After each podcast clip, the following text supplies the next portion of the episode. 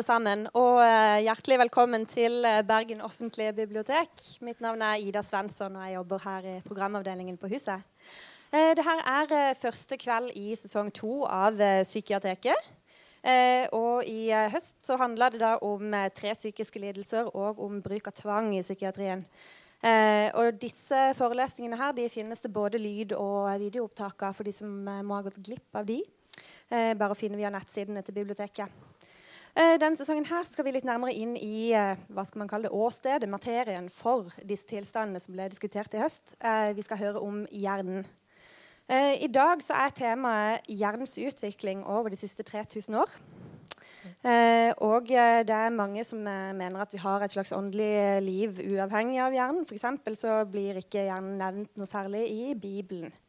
Eh, vi får en kjapp intro til eh, hjernens historie gjennom eh, religion, filosofi, litt om moderne vitenskap i løpet av neste tre kvarterene. Det blir anledning for spørsmål til slutt. Og Foredrag holdes som alltid av Andreas Lensnes, som er overlege på psykiatrisk akuttmottak ved Sandviken sykehus. Vi tar han godt imot med en applaus.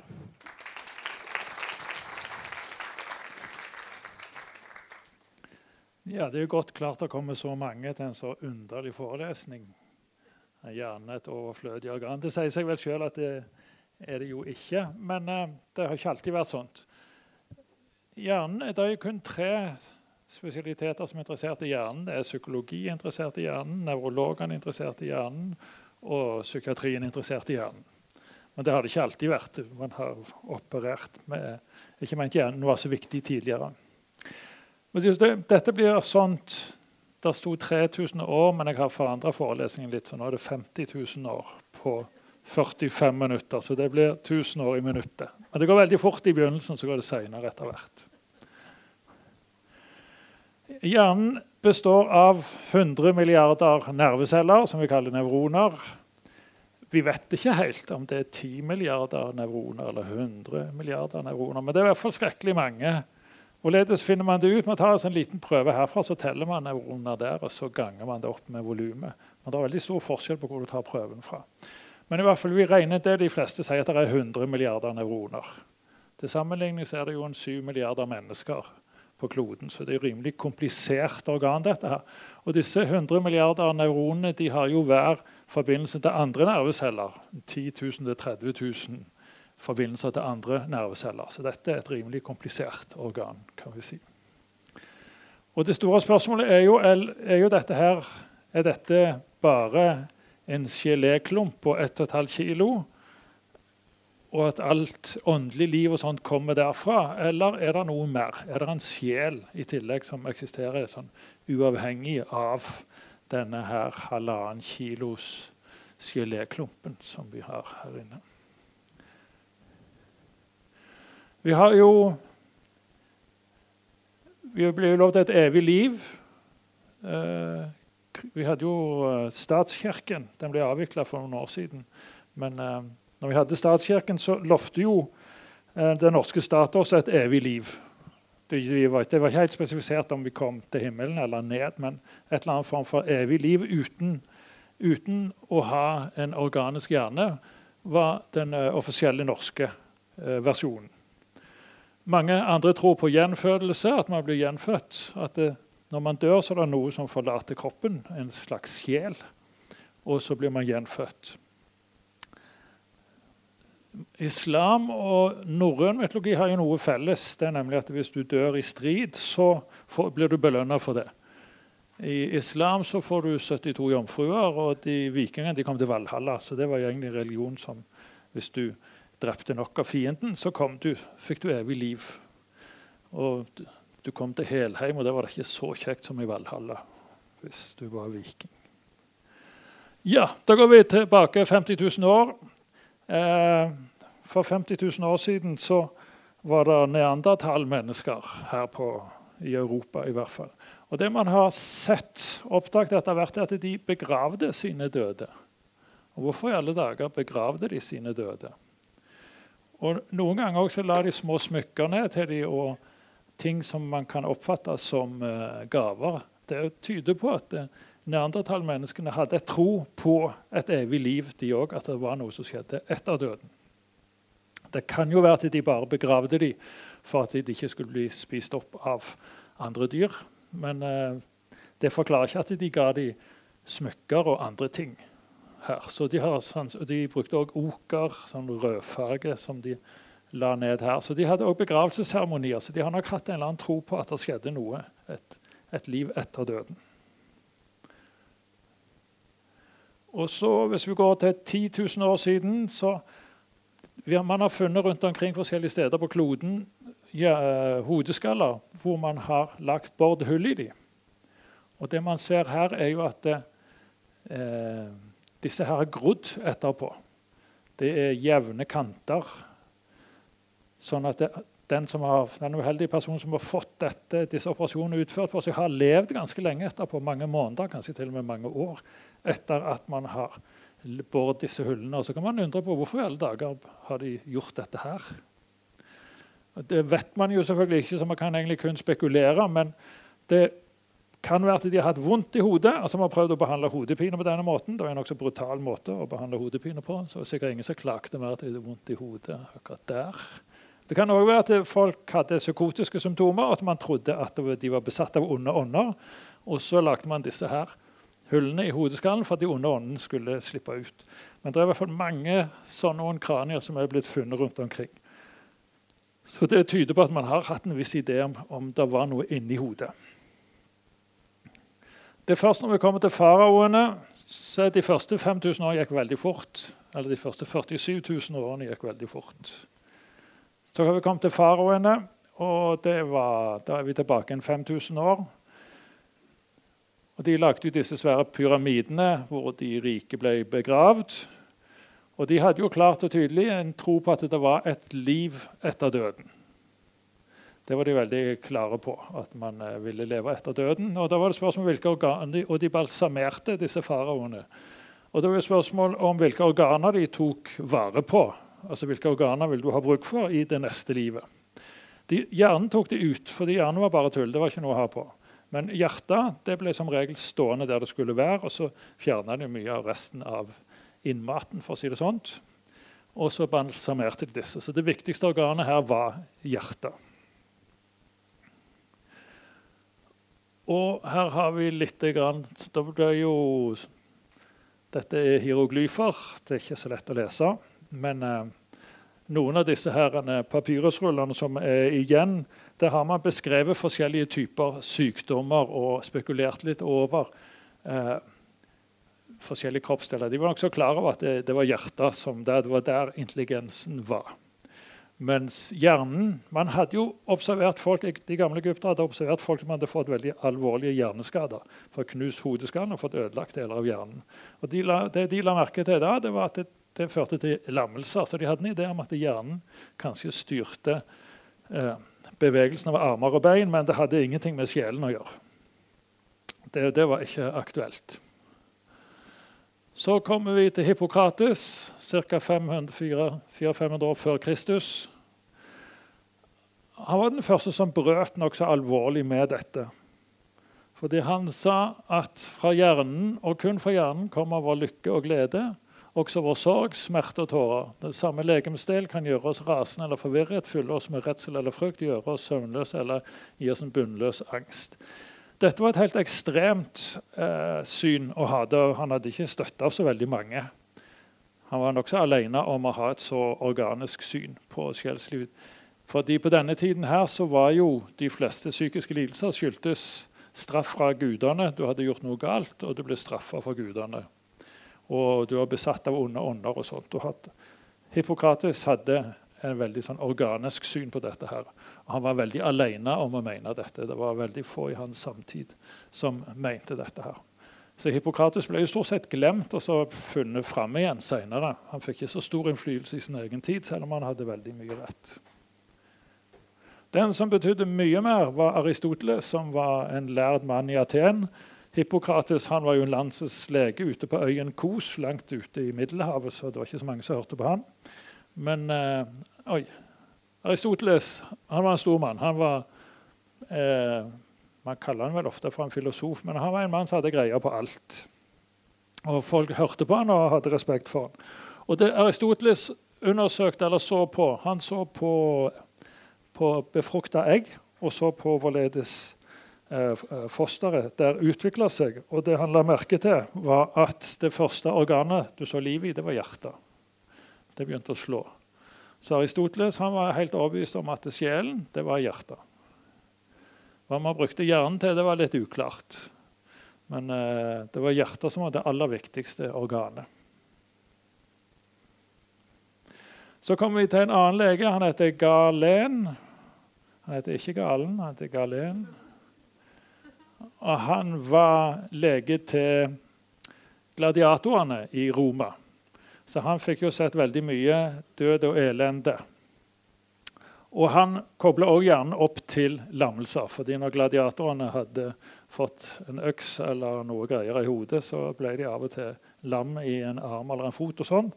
Så han var ganske sikker på at eh, hjernen hadde med bevegelse å gjøre. Men ikke at det hadde noe med sjelsliv å gjøre. Men kun med bevegelse av armer og bein. Og så kommer vi til Bibelen.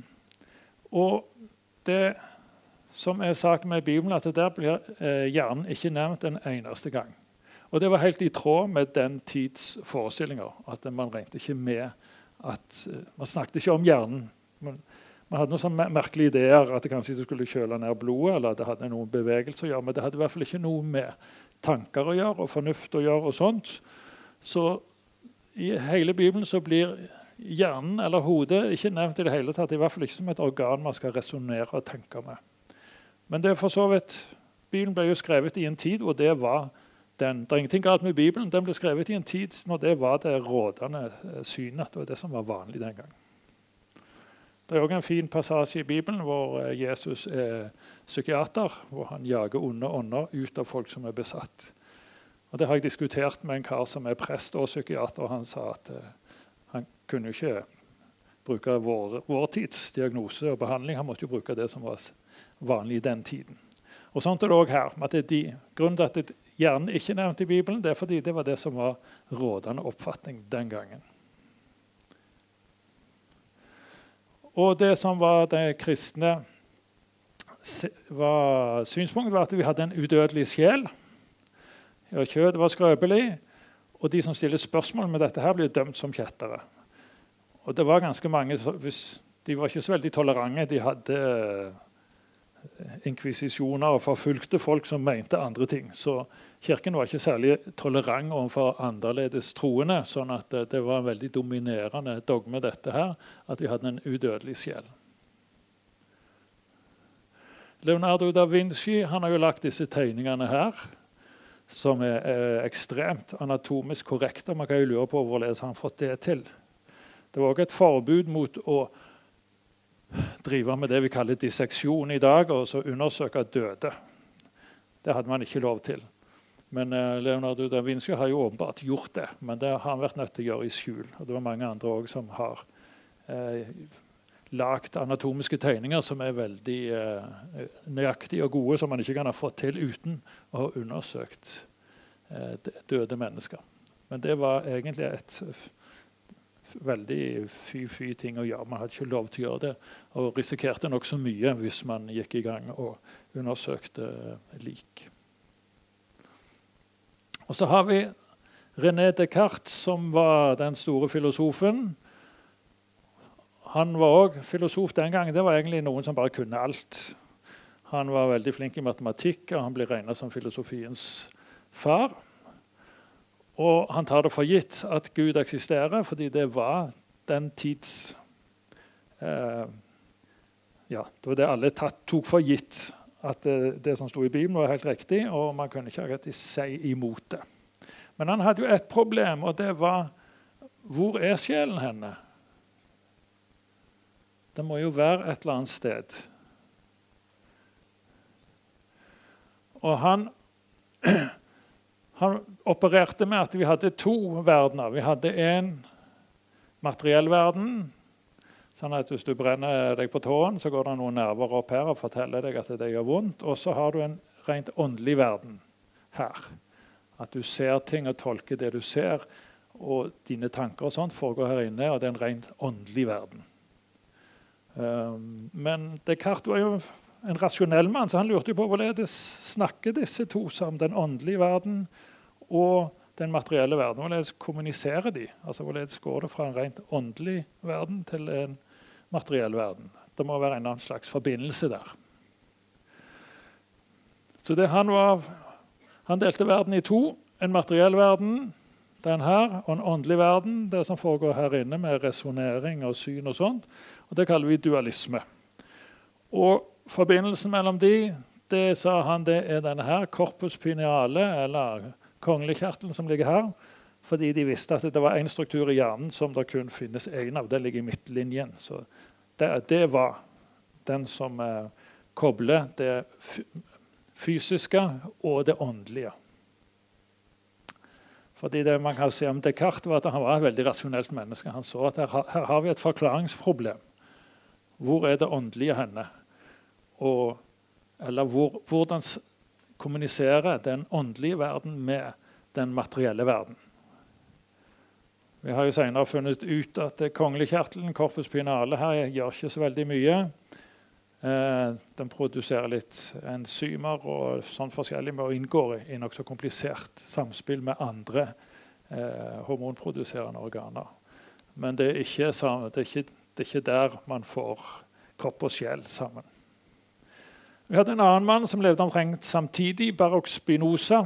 Han, eh, en, eh, han slipte glass til kikkerter og mikroskop og sånt. Og Han ble ikke så veldig gammel, han ble 45 år. Fordi han satt og pusta inn glassstøv hele tiden. Det er ikke sunt. Men han gjorde noe som var enda farligere. Han sa at Gud og naturen er ett. Han sa at Det er ikke noe skille, det er ikke noe dualisme. Det er ikke noe som heter ånd, og noe som heter den materielle verden. Den materielle verden og den åndelige verden er det samme. Den gangen var det så farlig å si at han flytta til det mest tolerante landet i Europa og det var den gang, som nå, kanskje Nederland.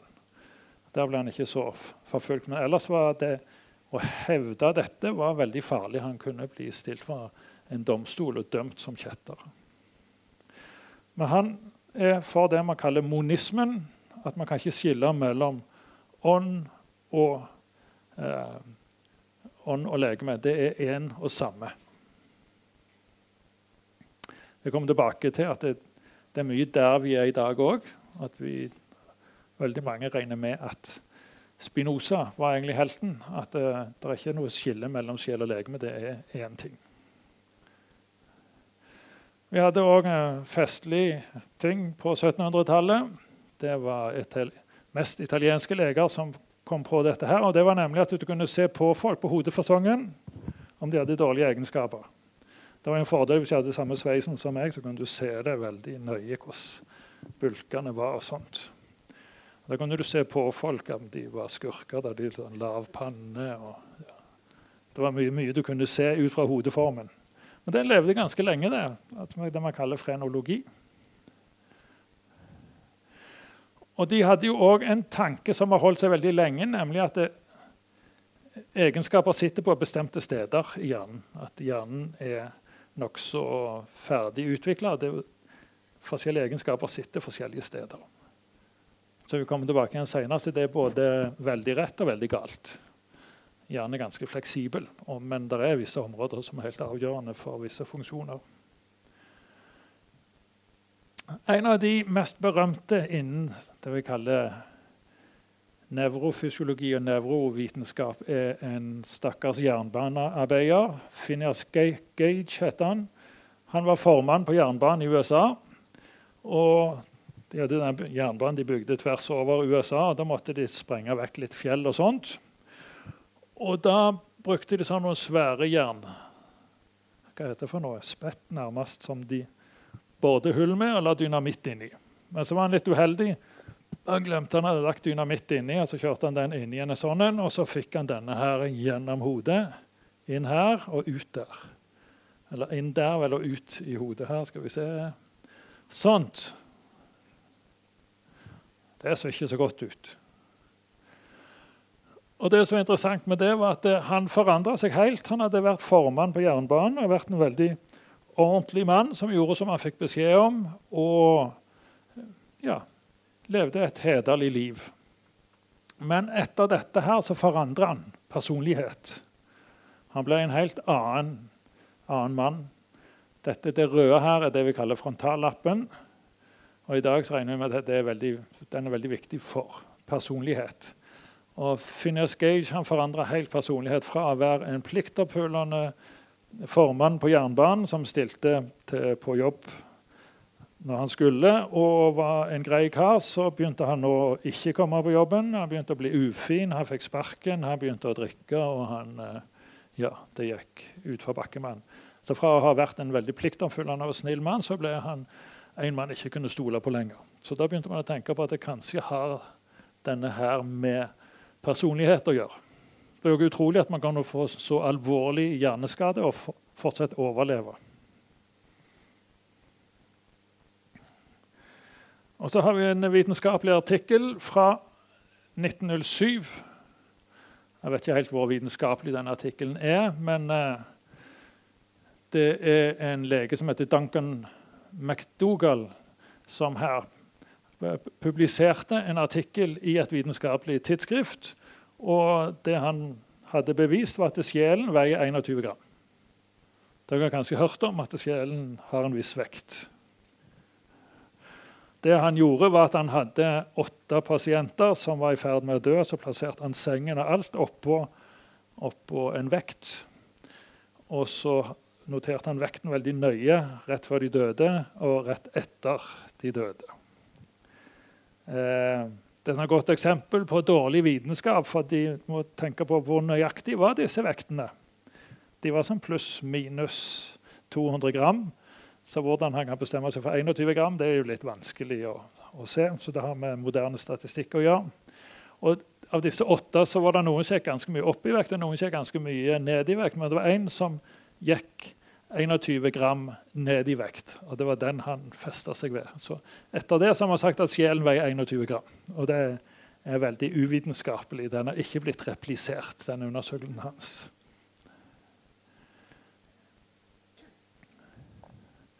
Ja, skal vi se, da har vi litt mer nøye. 21 gram-eksperimentet var i 1901 det ble gjort, og så publiserte han det i 1907. Og det var, det var bare én av disse han seks som gikk ned tre kvart unse.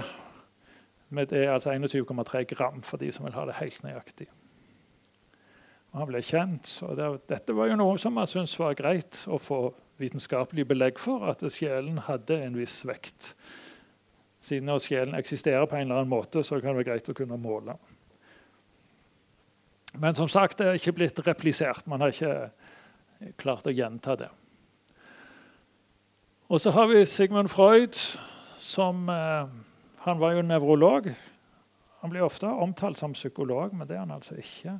Han var nevrolog og begynte å forske på eh, nerveceller. Og han var også en av de første mennene som tegnte forbindelse mellom nerveceller. En hypotese som viste seg senere å være rett. Og her har han lagt en, han har lagt en modell av sjelen. Og han har plassert sjelen inni hjernen. Og mener med at eh, id Dette er ikke sånn helt Han har ikke tenkt helt sånn hjerneanatomisk når han har lagt denne her. Men han har lagt en modell av hjernen. Man har oversatt denne til en sånn moderne hjernemodell her. Ehm, så han tenker at man har det som blir undertrykt, det er her. Superego, som styrer er egentlig frontalkortex, altså frontallappen her. Det er den som røyk hos han Phineas Gage, sånn at han ble litt dårligere til å styre impulsene sine. Og så har vi i det ubevisste. Det har de plassert her, nokså sentralt i hjernen. Det passer òg veldig bra, fordi det er jo der vi har eh, all frykt og alle automatiske funksjoner. Og ego er det som er bevisst og litt sånn førbevisste her. Så Freud var en av de første som begynte å tenke på mentale funksjoner og hjernen, og hvor de eventuelt skulle være plassert. Uh, han forlot egentlig denne her modellen og sa at vi vet for lite om hjernens funksjon til å si noe sikkert om dette. her. Men uh, en dag så kommer vi til å vite nok om dette, her, sånn at den psykologiske teorien som Freud kom med, kan bli erstatta av, en anatomisk modell. Det sa Freud sjøl i uh, en bok.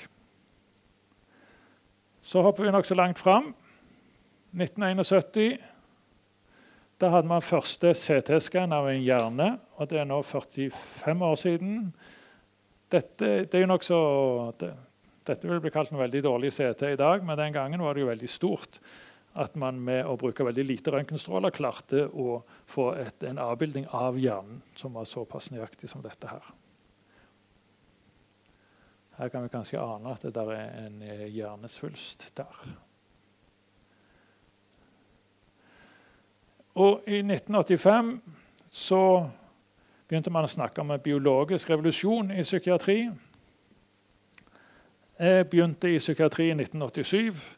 Og da kom jeg med denne boken her på jobben første dag. Og da var de fleste eldre kollegaer de bare lo av meg og sa at det er noe tull. Tull og tøys. Det er ikke sånt man skal eh, praktisere psykiatri som et organisk fag. Psykiatri har med det ubevisste og undertrykte følelser og alt sånt å gjøre. Det har ikke noe særlig med, med hjernen å gjøre. Men det har forandra seg. Det er, egentlig, det er egentlig den biologiske psykiatrien som har etter hvert tatt over ganske mye. Ikke alt, fordi vi, vi har nok en sjel òg, så det er ikke helt enten-eller. Men eh, biologien har fått mer og mer innflytelse òg i psykiatrien. Men spesielt i vår forståelse av hvordan hjernen fungerer. Første MR var også i 1987, og her ser vi vi har egentlig fantastisk detaljert bilde av hjernen. Og dette er jo et bilde som er tatt av folk som er i live. Det ser ikke akkurat ut som han er i live, han her. Det ser ut som noen har brukt noe på den. Men dette, dette er den første MR, og nå bruker vi MR eh, som tar veldig hyppige bilder, sånn at du kan ta MR når folk eh, eh, For å se hvordan hjernen fungerer på mye mer nøye nivå. Og dette var en gammel MR. De er mye mer nøyaktige nå. Men her, hvis vi tenker tilbake på han uh, Gage, så var det dette området her av hjernen hans som ble ødelagt.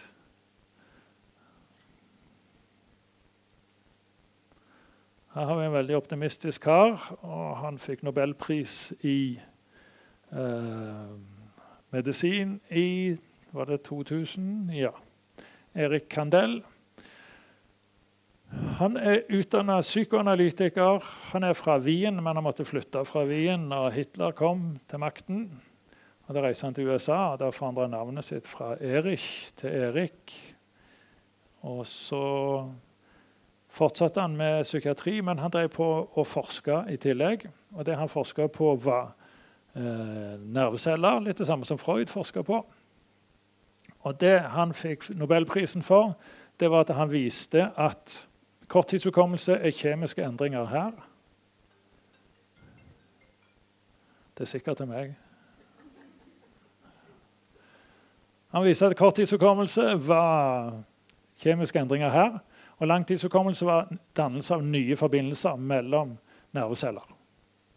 Så det er jo litt rart. En psykoanalytiker som, her, som egentlig tror på Freuds teorier om det ubevisste, det underbevisste, det fortrengte og superego alle disse merkelige tingene her, han, han viser at hukommelsen er biokjemiske endringer på korttidshukommelse og anatomiske endringer på langtidshukommelse. Så det er nokså utrolig. Men uh, som Erik Kandel også sier, så kan jo dette eksistere samtidig. Man kan godt ha et nokså avansert sjelsliv og så ha enkle mekanismer som ligger bak fordi Hvis vi tenker på at vi har 100 milliarder nerveceller som hver, hver har en 10 30 000 forbindelser til andre nerveceller, så blir det et helt fantastisk komplekst nettverk som kan forklare veldig mye av våre sjelelige prosesser. Her har vi PET-scan. Dette er jo nokså uklart og grovt. Det som er fint med PET-scan, er at det viser det, PET betyr positronemisjonstomografi. Det avspeiler egentlig blodgjennomstrømningen i hjernen. Og det òg kan man ta eh, raske bilder som man får en film som viser hva som skjer. I hjernen. Det forteller ikke om noe annet enn om blodgjennomstrømningen i hjernen. Men blodgjennomstrømningen tar man som et uttrykk for aktivitet i hjernen. Så man kan påvise forskjeller i eh, aktivitet. Så dette var jo veldig stort. Nå kan man begynne å undersøke en levende hjerne. Hvorledes eh, blodgjennomstrømningen i hjernen er under forskjellige omstendigheter. Og Her kan man jo nesten bruke det til å stille diagnosen demens. Her har du normal hjerne. Og her har du en som har Alzheimers demens. Veldig stor forskjell. Eh, for å stille diagnosen Alzheimer så må man egentlig ta en biopsi av hjernevev for å være helt sikker, men det pleier man å vente med til etter at folk er døde. Det er ikke så kjekt å gå inn med nåler her når folk er i live. Men nå kan man om ikke stille diagnosen, så i hvert fall sannsynliggjør diagnosen nokså kraftig med å ta PET-scan. Så her har vi nokså klart bilde. Det er samme nivå på hjernen og samme omstendigheter. Her er det en som har begynnende hukommelsessvikt. Man har også sett det på en normal hjerne her. Og så har man tatt Dette er spesielt barn fra uh, Romania. De fra barnehjem i Romania som har vært utsatt for ja, det man vel kun kan kalle for en ekstrem omsorgssvikt. Man har jo sett på disse barna fra barnehjemmet i Romania. De har sånn en gjennomsnittlig IQ på en 70-80. De ligger veldig lavt.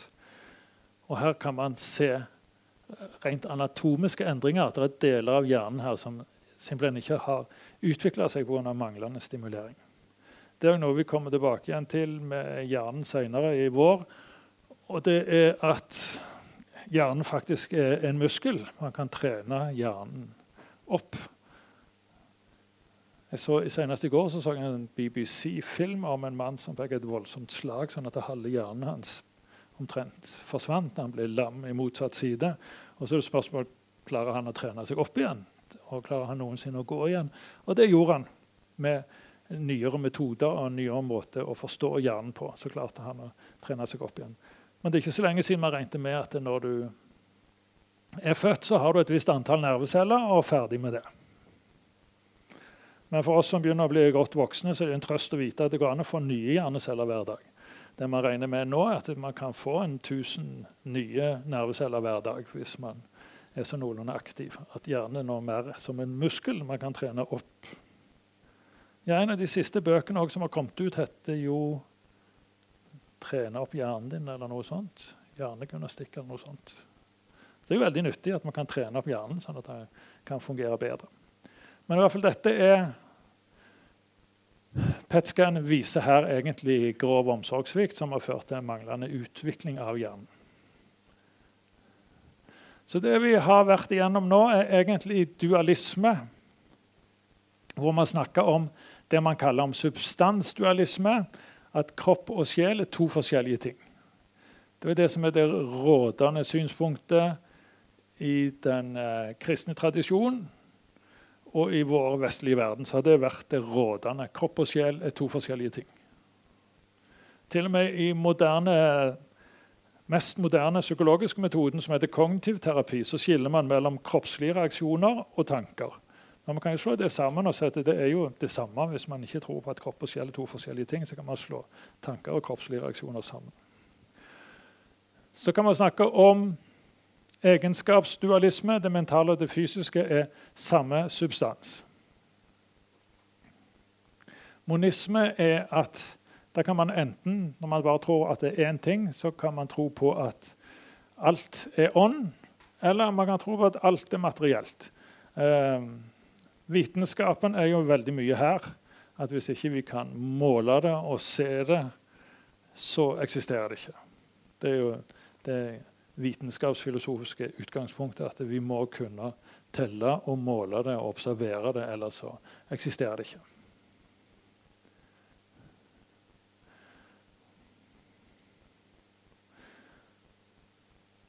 Så Materialisme sier at mentale tilstander og bevissthet er fysiske egenskaper i hjernen. Dette er vitenskapen, eller den monismen hvor man regner med at det ikke fins noe åndelig.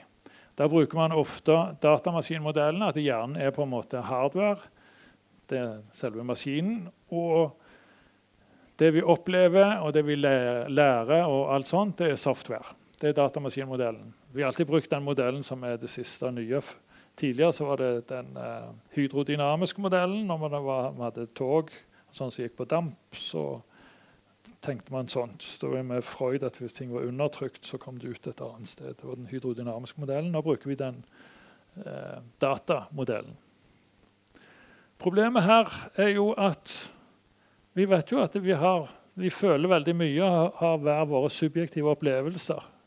Så det store spørsmålet her er egentlig kan det rike, kompliserte sjelslivet vårt reduseres ned til bare ren anatomi og kjemi? Jeg har jo prøvd å fortelle dere nå at man kan lære nye ting. Hvis dere har, husker noe av denne her framstillingen i morgen, så er det fordi dere har fått nye forbindelser mellom nerveceller. Og hvis dere husker noe nå, men glemmer det når dere kommer hjem, så har det bare vært litt sånn eh, kjemiske endringer mellom nervecellene deres. Så hvis dere har, husker noe av dette i morgen, så har dere altså fått nye forbindelser mellom nervecellene. Kan man forklare vårt hukommelse og vårt rik og rike liv og sånn kun ut fra anatomi og kjemi, eller er det noe mer? Innvendinger mot å betrakte hjernen, denne geléklumpen, som sete for all åndelig virksomhet, er jo at hva da med den frie viljen? Har vi noen fri vilje? Alt ligger jo her. Det er jo bestemt på forhånd med hva slags geléklump vi har fått, og hvorledes den har lært nye ting. Subjektive opplevelser Det kan vi jo kanskje få inn her og passe med disse 100 milliardene nerveceller som har så mange forbindelser at det blir ekstremt komplisert. Det er jo ingen datamaskin som er i nærheten av å være så komplisert. Og meningen med livet det blir kanskje litt stort spørsmål her, men eh, Og nå er det sånn at Folk flest vil nok akseptere at det er en form for kropp-sjel-dualisme. At vi har en kropp, og vi har òg et åndsliv. Det er vel det de aller fleste Jeg tror at det, de fleste av oss er her Vi er egentlig vi er dualister. På, vi er oppdratt til det i vår kultur. Du har en sjel, og du har et legeme. Men i hvilken grad de henger sammen, det kan man jo diskutere. Det er vi ikke helt sikre på. Men er, vi har et eller annet sjelsliv som ikke bare er biokjemi og anatomi. Det er mer enn det. Men her er det sånn at det naturvitenskapelige standpunktet er monisme, altså at uh, sjel og legeme er ett alt er materielt, og at vi har en udødelig sjel, det er en religiøs antakelse. Det er ingen som har bevist at vi har en udødelig sjel. Det er ingenting som tyder på at vi skulle ha det. Så på mange måter her så står vi mellom for å si det veldig enkelt, vi står mellom Darwin og Jesus her. Hvor det naturlige standpunktet er monisme. Alt er materielt. Darwin har jo skrevet veldig mye om hvordan han mener at vi mennesker har utvikla oss, og hvordan vi har blitt sånn som vi har blitt. Og Han sier ingenting om et liv etter døden. Han sier ingenting om en sjel. Og Han publiserte jo sine verker i en tid hvor eh, religionen sto veldig sterkt. Så han, han, var veldig redd for å publisere det han mente, siden han la så stor vekt på eh, at alt er materielt og har materiell forklaring. Men Jesus er egentlig bare et symbol på det mer åndelige, at vi har en sjel. Og De fleste av oss tror vel vi er et sted her imellom. Vi tror både på Darwin og det naturvitenskapelige, og vi har litt problemer med å gi helt slipp på at vi skal ha en sjel. Men om den er uavhengig av hjernen, det er jo litt vanskelig å få til å passe det med den der konglekjertelen det passer jo litt dårlig. Det, den er vanskelig å tro på. Så hvor er egentlig sjelen henne? Her kan vi se på I 1980, hvor mange var, hadde religiøs tilknytning i USA, i dette her, som jo er et av de mest religiøse landene i den vestlige verden? I 1980 så var de aller fleste enten protestanter eller katolikker. Og det var nokså få som ikke trodde på noen religion. Men det har jo økt på oppover her. Så Katolikkene har holdt seg veldig bra. Det ser ut som det er protestantene som begynner å bli svake i troen. Og Hvis vi ser her på hva tid man er født så Hvis du er født i 1900, da er du skrekkelig gammel i dag. Så la oss gå der. Hvis du er født i 1920, da er du nesten 100 år. Og da var det veldig veldig få som ikke hadde noen religion, eller hadde andre religioner. Det var nesten null. Men her øker det opp, og disse som ikke har noen religion Vi regner med at i dagens USA, blant de som eh, blir født nå, så vil nok flertallet være folk som ikke har en eh, religion. Man kan jo si Det er jo ikke så bra, det heller. fordi hva er det religionen blir erstatta med? Hva er det vi ser, da, spesielt i USA, men også i Europa? At religion blir stort sett erstatta med materialisme. Og materialisme i en annen betydning enn det jeg har brukt før, nemlig at man, man kjøper ting. Ikke at man tror på materialisme, at kropp og sjel er det samme, men den andre formen for materialisme. Og så har vi statskirken. Den norske kirke er det største trossamfunnet i Norge. Og inntil den 21. mai 2012 så var det statens offentlige religion i Norge. Vi tenk, har kanskje ikke tenkt så mye på at vi har hatt en statsreligion, en offentlig religion. Det har vi jo faktisk hatt. Som jo har dominert veldig mye hvorledes vi tenker på hvorledes kropp og sjel fungerer. Fordi i statskirken så har man vært veldig, fast, veldig overbevist om at vi har en udødelig sjel. Og de fleste nordmenn tror vel på det fortsatt. Og Hvorledes er det med de som forsker på dette? her? Jeg har lest litt av de som virkelig kan dette, de nevrovitenskapsfolkene. Er de sånn at de sier at vi skal gi Gud og religion på båten? Eller skal vi være ydmyke og tro at det fins kanskje mer? At det er et eller annet, kanskje et eller annet. Vi, kan, vi vet ikke helt hva det er, eller man skal være ydmyk for at det fins andre ting. Og De fleste av de som driver med denne forskningen, de sier at dette er såpass, dette her organet er såpass komplisert at vi skal på en måte ikke gjøre som om vi forstår alt. Uh, at man skal holde ja, muligheten åpne for at det kan være noe annet. At dette organet er såpass komplisert at det skjer et eller annet i det organet som vi ikke helt kan forstå. Som er vårt eget sjelsliv. Det som er merkelig med hjernen, er at den ligger inne i totalt mørke. Det er helt mørkt inni her, inni hjerneskallen. bak der. Helt mørkt. Det er ingen lyd, og ingen lukt og ingen farger som kommer inn der direkte. Alt går via våre sanser, og via våre sanser så blir det oversatt til signaler i nerveceller, som så blir tolka inni vår hjerne. Det kommer vi tilbake igjen til seinere, om vi kan stole på våre sanser. Så innvendingen mot materialismen som dere kanskje legger merke til, så har jeg helt litt imot materialisme. At kropp og sjel er ett. Det er ikke to forskjellige ting. Når man sier kropp og sjel er to helt forskjellige ting, da er det dualismen man er tilhenger av. Men man kan òg mene at, man, at, kropp og sjel er ett. Men at et så komplisert organ som hjernen gir grunnlag for noe nytt noe annet som vi ikke helt forstår hva er for noe. Av mangel på et bedre ord som han kalte for sjel. Ja, vi har private perspektiver på alt vi ser. Og min konklusjon her er egentlig, eller spørsmål hvor vi mener noe bestemt om dette.